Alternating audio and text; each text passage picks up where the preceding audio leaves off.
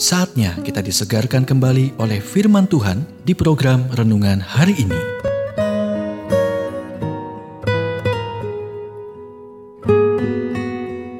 Renungan hari ini berjudul Memilih Kedamaian. Nats firman Tuhan Galatia 5 ayat 22. Tetapi buah roh ialah kasih, sukacita, damai sejahtera. Kepanikan dan kecemasan sering kali merupakan reaksi pertama kita terhadap konflik dan masalah. Pada saat-saat awal Anda berpikir untuk memilih perdamaian, tampaknya tidak mungkin. Hati kecil Anda berbisik, "Jika Anda benar-benar peduli, Anda akan khawatir." Saat kepanikan mulai meningkat, penting untuk berpaling kepada Roh Kudus dan memanfaatkan kedamaian yang Dia tawarkan. Kepanikan adalah musuhnya, bukan situasinya. Kecemasan hanya memperkuat dan memperbesar masalah yang kita hadapi. Sumber daya pemecahan masalah terbaik Anda adalah selalu kedamaian. Ketakutan dan kecemasan memblokir sebuah solusi. Jawaban mengalir lebih mudah dan alami dari keadaan pikiran yang damai. Dan damai sejahtera Allah selalu tersedia bagi kita jika kita memilih untuk menggunakannya. Paulus menulis, "Janganlah gelisah dan gentar hatimu."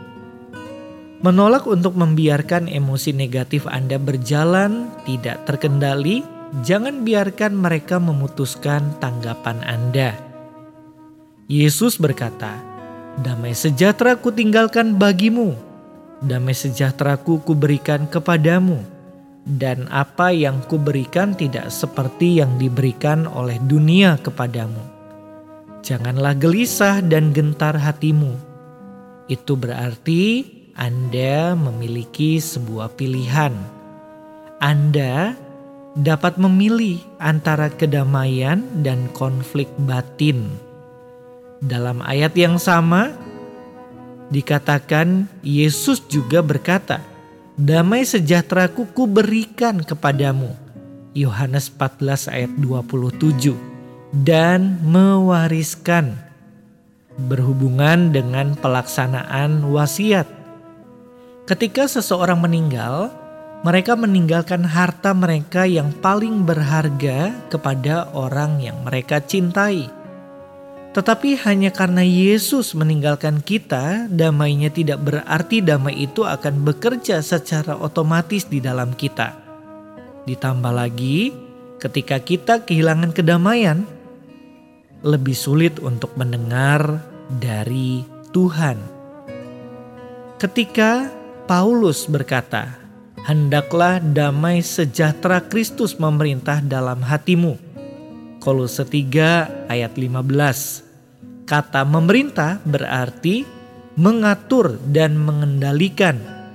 Jadi, daripada membiarkan diri Anda cemas dan panik hari ini, pilihlah kedamaian.